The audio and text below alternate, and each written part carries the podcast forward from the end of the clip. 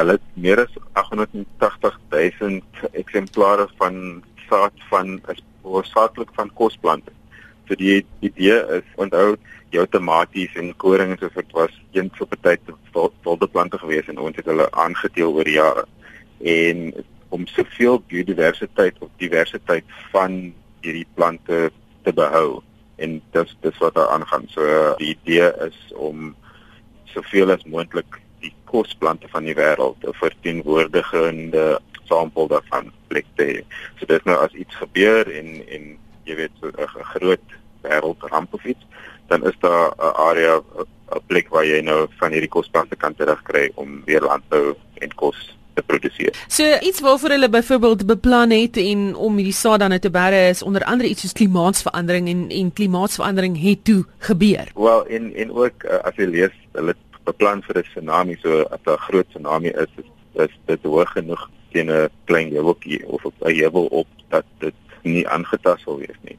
Maar nou soos jy sê, het dit gesmelt. En dis eintlik vir ons almal ehm um, jy weet almal praat van klimaatsverandering as 'n so 'n abstract konsep jy weet. En dit begin gebeur of nie nie soseer klimaatsverandering nie want jy weet as jy dit sê dan begin mense nou dink jy weet hulle het nou teenvoete daarvoor. Maar wat ons nou moet reg wees voor in in ons toekoms en nou is 'n verandering van die weerpatrone en en goed is nie meer so bestendig soos wat hulle was toe ons klein was nie. Julle sien dit hier op eie bodem ook gebeur, hoe klimaatsverandering ja. reeds al plantegroei beïnvloed. Daar's nou baie lekker onlangse navorsing wat uitgereik is deur Jasper Slimsey en span van Sion die South African Environmental Observation Network. Hulle het uitgevind met uh, platwerk wat gedoen is in Kaappunt Natuurreservaat. So die idee is jy identifiseer 'n klein area so 5 by 10 of 10 by 10 en jy gaan kyk gereeld wat daar groei en jy tel dit en so voort.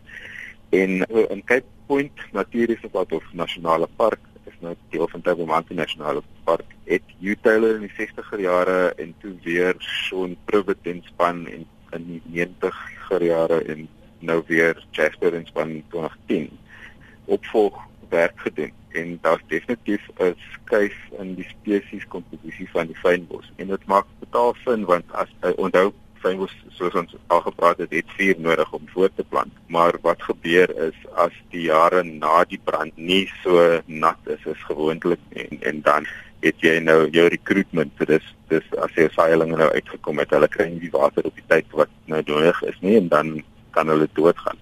So dan begin jy nou spesies verloor wat jy voorheen daar gekry het